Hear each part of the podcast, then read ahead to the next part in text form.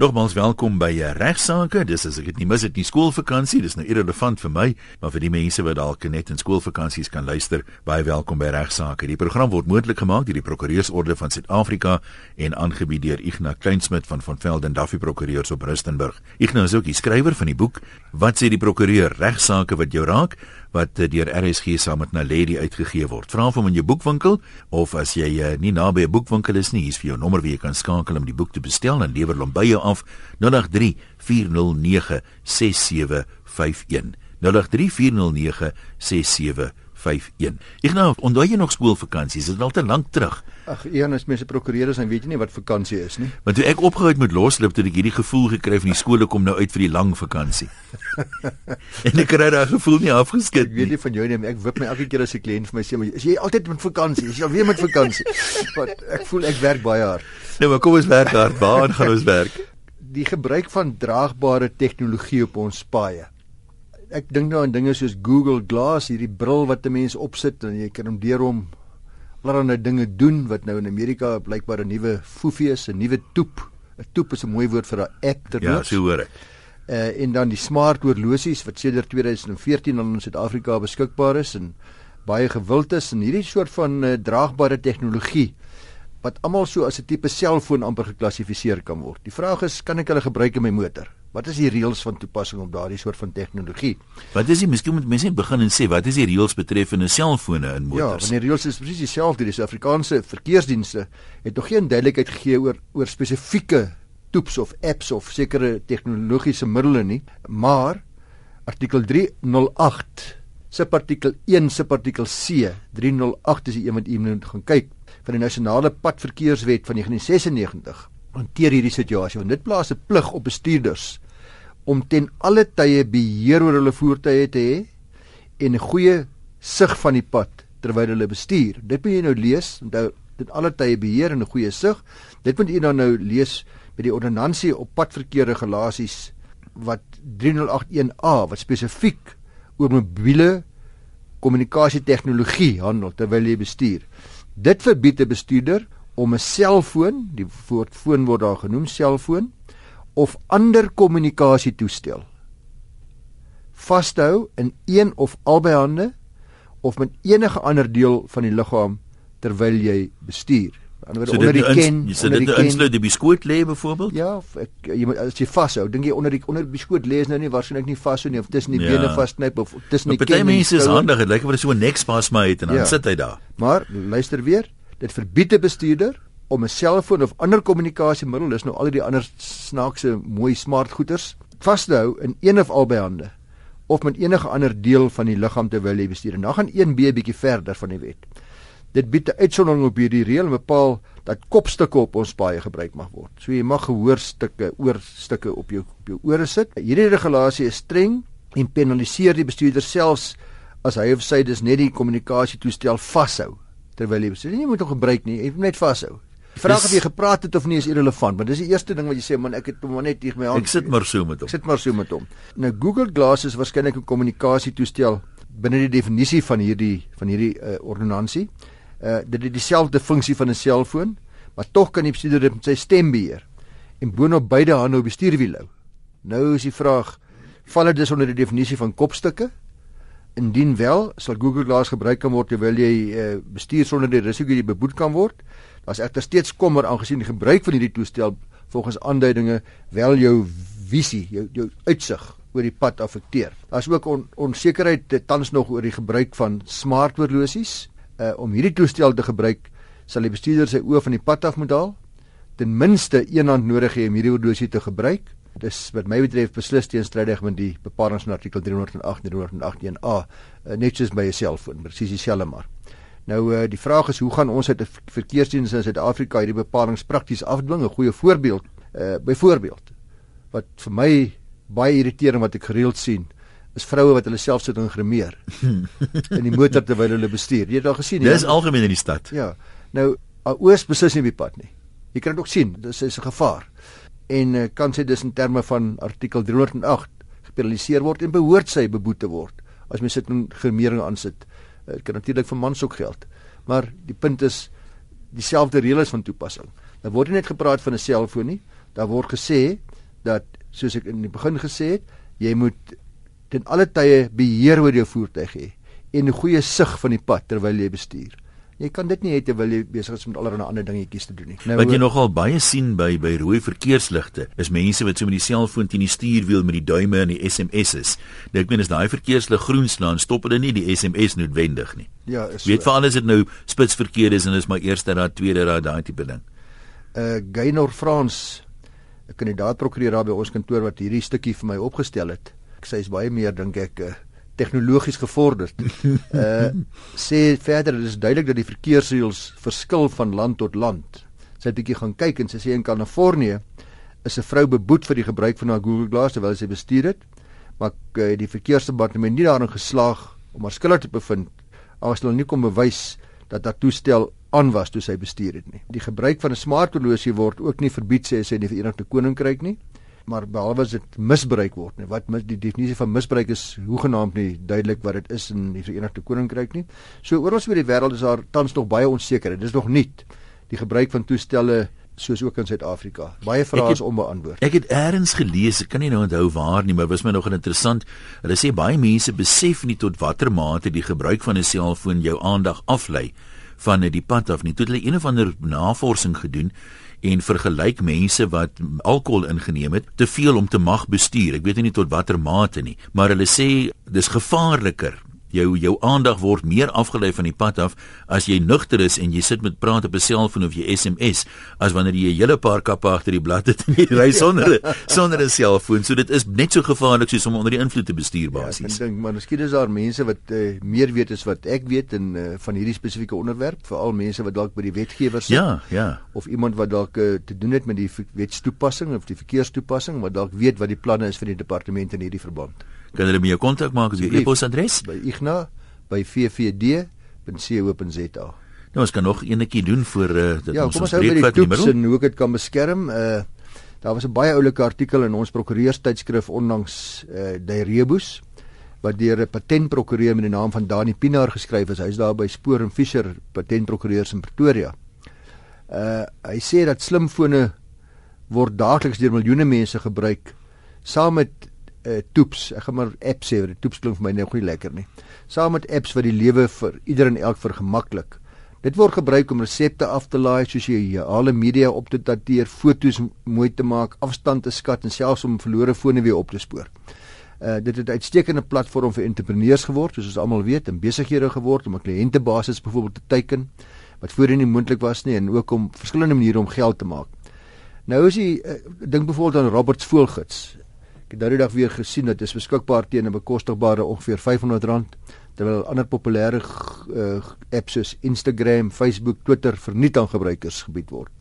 Nou een van die maniere waarop geld deur so toep ontwerper of app ontwerper, iemand wat 'n nuwe ding uitdink, deur middel van 'n van so 'n app om geld te maak, is deur so basiese toep verniet bekend te stel aan 'n gebruiker. In ander woorde, aanvanklik is dit verniet. Jy skryf in, sê jy dink dis dit lekker is verniet, maar wanneer die gebruiker dan al die basiese funksies uh, gebruik het, dan sê hy meneer as jy wil verder gaan, as jy die werklik die meer gespesialiseerde funksies wil gebruik, dan moet jy nou eers 'n fooi betaal, dan moet jy nou inskryf. Login. Ander maak weer geld deur advertensiespasies in hulle in hulle apps te verkoop, waarin daar blykbaar baie groot geld te maak is. Mense word miljonêers. Nou die vraag wat ontstaan en waaroor ek nou met u wil praat, en wat baie sulke entrepreneurs, mense wat ontwerpers is, mense wat dink hulle ken hierdie goed en hulle het nuwe planne, nuwe slim planne. Hoe gaan ek my nuwe plan beskerm? Kan ek dit beskerm teen ander ontwerpers of kansvatters wat my idee wil gebruik en hulle eie ding wil ontwerp op my op gebaseer op my plan en op my uh, idees? Nou op hierdie stadium luisteraars sê die artikel is daar geen regspraak op wetgewing wat spesifiek op apps gerig is nie en moet daar na die essensiële kenmerke van die app gekyk word. Uh, die rekenaarkode wat gebruik word om hierdie app te skryf word soos enige ander neergepende idee deur outeursreg en die wet op outeursreg beskerm. Soos enige ander neergeskryfde idee is dit outeursreg wat hier van wat ter sprake is.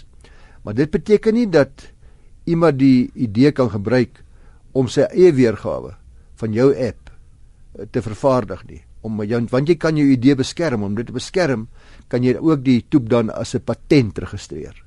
Dis belangrik, so jy het auteursreg aan jou kant, maar die meer belangrike beskerming kom by die registrasie as 'n patent van jou app en daarvoor moet jy natuurlik aansoek doen.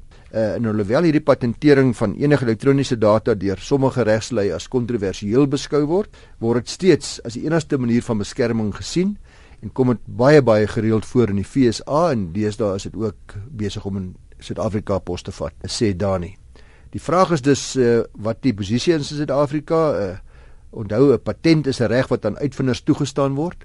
Dit bring mee dat uh, so uitvinders se uitvinding kan verkoop, hy kan afdwing in ons howe, ook internasionaal.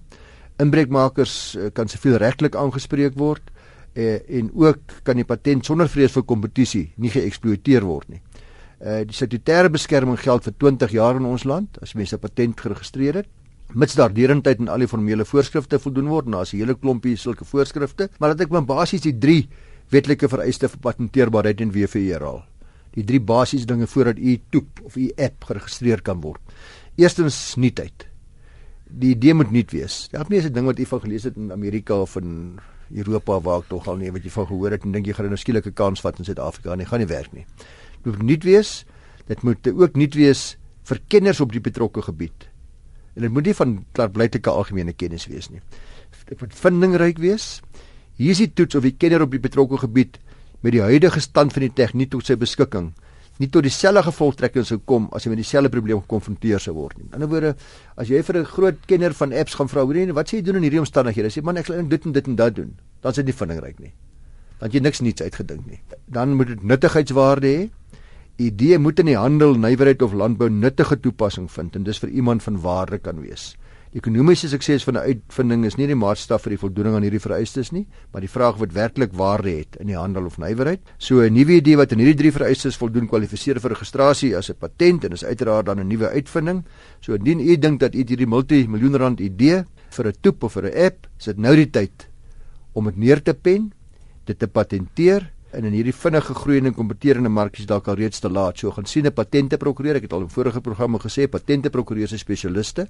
Daar's 'n paar sulke groot firmas in ons land wat hierin spesialiseer en uh, u prokureur sal waarskynlik vir u sê na wie toe u moet gaan. Uh, die meeste daar's baie min prokureurs wat regtig dit self doen.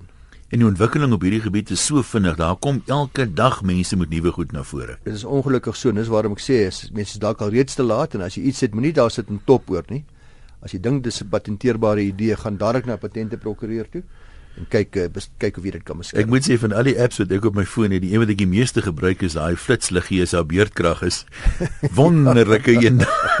Bietjie praat oor wetgewing en al die amptelike tale, moet dit is dit moontlik om dit te publiseer in 11 tale en uh, wat sê ons howe daarvan en die onlangse saak van Lourens is my goeie ou vriend en taalaktivis Cornelis Lourens, die prokureur van Brits versus die speaker van die nasionale vergadering en ander. Ek sien die kandidaat prokureur dat help het gehelp het met die voorbereiding hiervan praat van die spreker van die nasionale vergadering. Wat is die regte vertaling van speaker? Ek sê maar altyd bly maar speaker. Dis maar 'n woord wat ons het geleer van die speaker in die parlement op skool.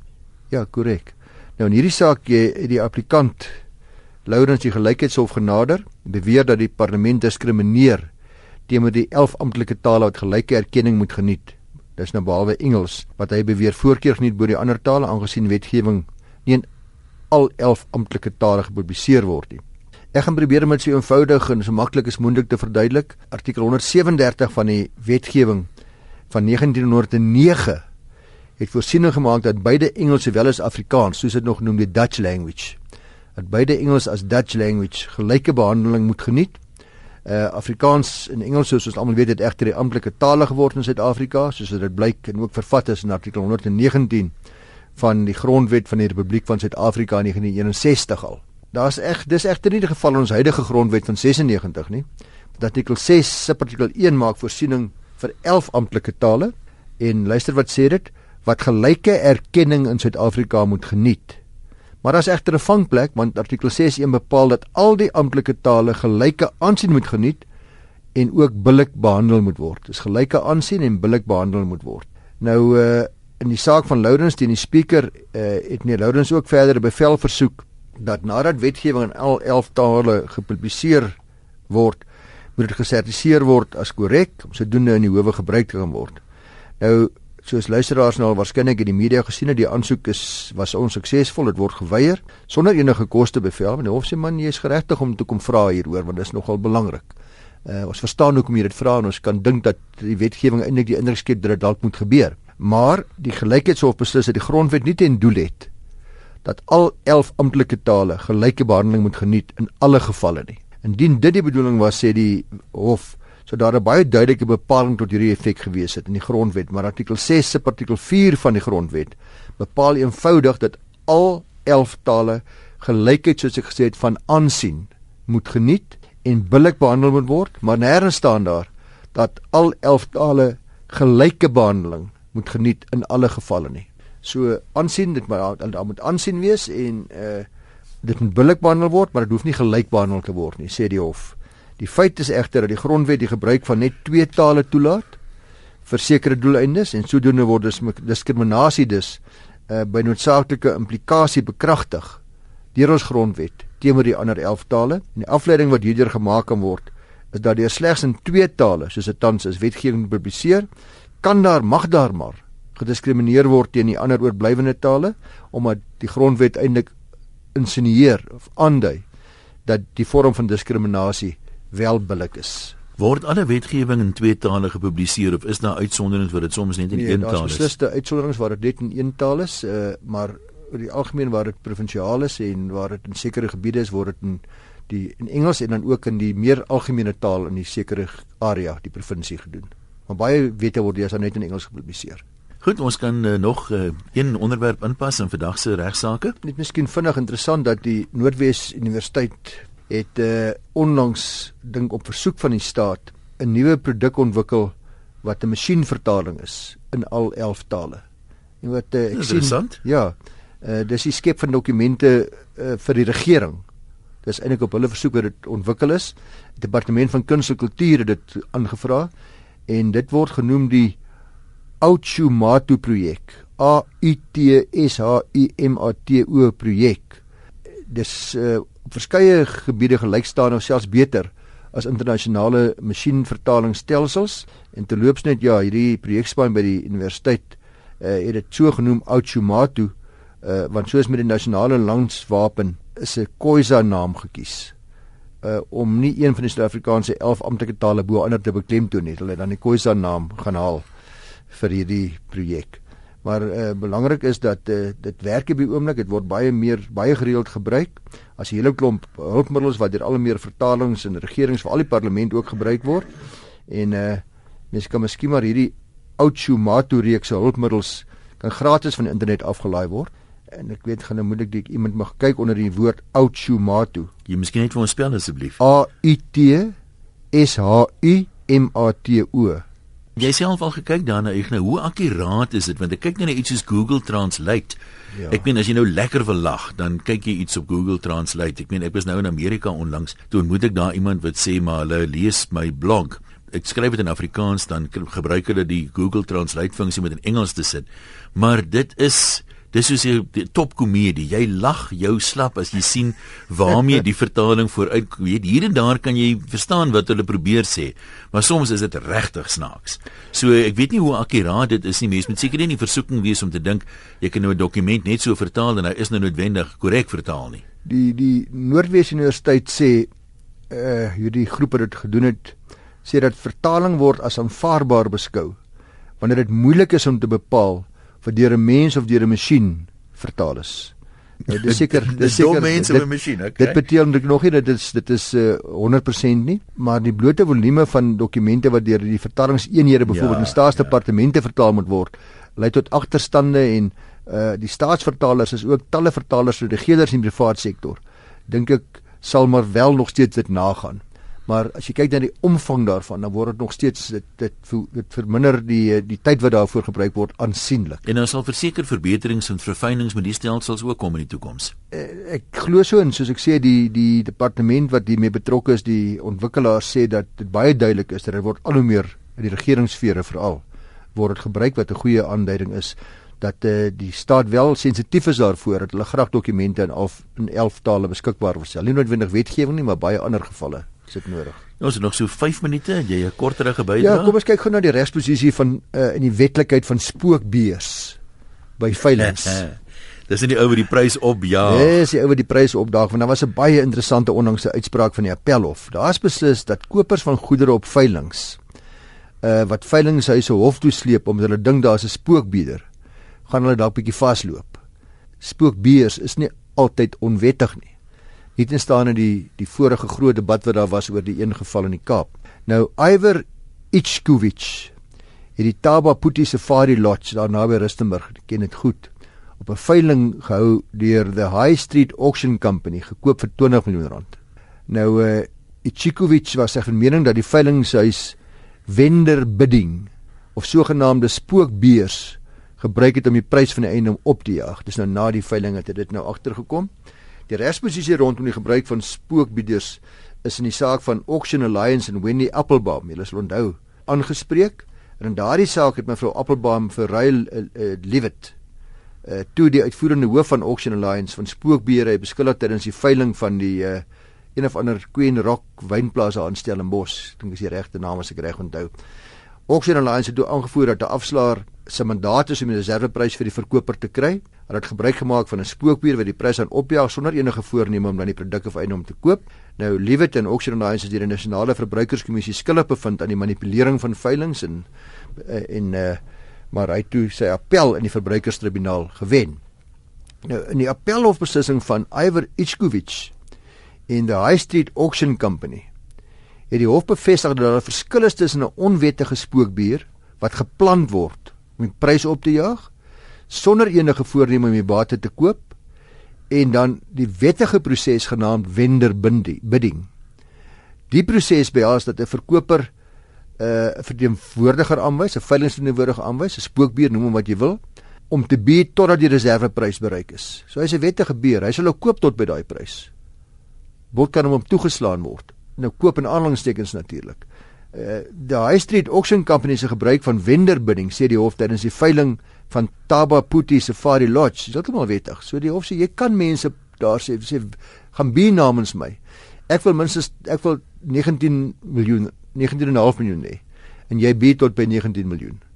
Uh want dit is eintlik maar my reserveprys. En so as die as dit nie gehaal word nie dan word die plek nie verkoop nie en dan ons dit self teruggekoop koop hmm. weer in aanhalingstekens. Kan ek net vra wat by my vir my opval? Soms gaan dit ons nou lekker op so 'n veiling en jy kom dalk makliker as wat jy gedink het met die reserveprys uit. Hierdie wettige spookbeer, is hy verplig om dan te stop sodra die reserveprys bereik is of as hy sien hy kan dalk nog 'n miljoen of 2 gaan kan hy nog nee, aanhou? Nee, hy kry sy mandaat van die verkoper af en hy mandaat sal gewoonlik 'n sekere prys hê tot daar kan hy gaan. Dan gaan hy risiko's loop en dan moet hy self koop want hy sê sy opdraggewer is nie meer gebonde aan wat hy dan koop nie. Aha. So hy sal dit nooit doen nie. Okay. Uh maar as jy kyk na artikel 45 van die Wet op Verbruikersbeskerming, dit maak voorsiening en reël ook dan die proses van veilinge.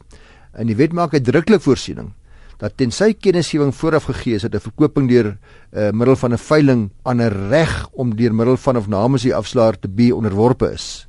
As daar nie so reg is nie, dan moet die eienaar of afslaer nie by die verkoping be of 'n ander persoon in diens neem om te be nie. Dan moet die afslaer nie wetend 'n bod van iemand beoog in paragraaf A aanvaar nie in die boonste paragraaf nie en dan kan 'n verbruiker 'n hof nader om te verklaar die transaksie bedrieglik is. So wat daai artikel sê, tensy 'n kennisgewing vooraf gegee is, mag jy nie be nie namens die verkoper nie. Nou die hof het bevind dat High Street in hierdie geval duidelik aangetoon het, die Betabaputi, dat alle kope onderhewig is aan 'n reserveprys en dat die High Street en die afslaer daarop geregtig is om namens die verkoper te be totdat die reserveprys bereik is in die geval van die wildplaas is daar dan 'n sekere reserveprys gewees. En die reserveprys moet ook bekend gemaak word. Nee. Of kan dit nee, verswyg nee, word? Nee, nee, maar jy die hof moet jy, jy moet vooraf sê iemand gaan bi. Ja. Namens die verkoper tot by die Jy hoef nie te sê tot by nie, hoegenaamd nie. Die hof het verder bevind dat daar 'n registrasievorm wat deur meneer Iver Ichikovic geteken is bevestig word dat hy die bepalinge en voorwaardes van die veiling verstaan. Hy het natuurlik gesê dit was glad nie onder sy aandag gebring nie, maar of sê jy dit geteken. Nou as dit ja. staan in die veilingsvoorwaardes die plig het dus uh, nadat die veilingshuis se terme en voorwaardes verduidelik het bemoontlike koper gelê om hierdie voorwaardes na te gaan en te verstaan. Die posisie is dus duidelik uh, luisteraars nie na reservepryse en die veilingshuis kennis aan die belanghebbende partye gee dat iemand gaan namens die veilingshuis of namens die verkoper be uh, daar's daar geen probleem in ons reg nie. Ignas sê baie dankie. Ons praat volgende maandag weer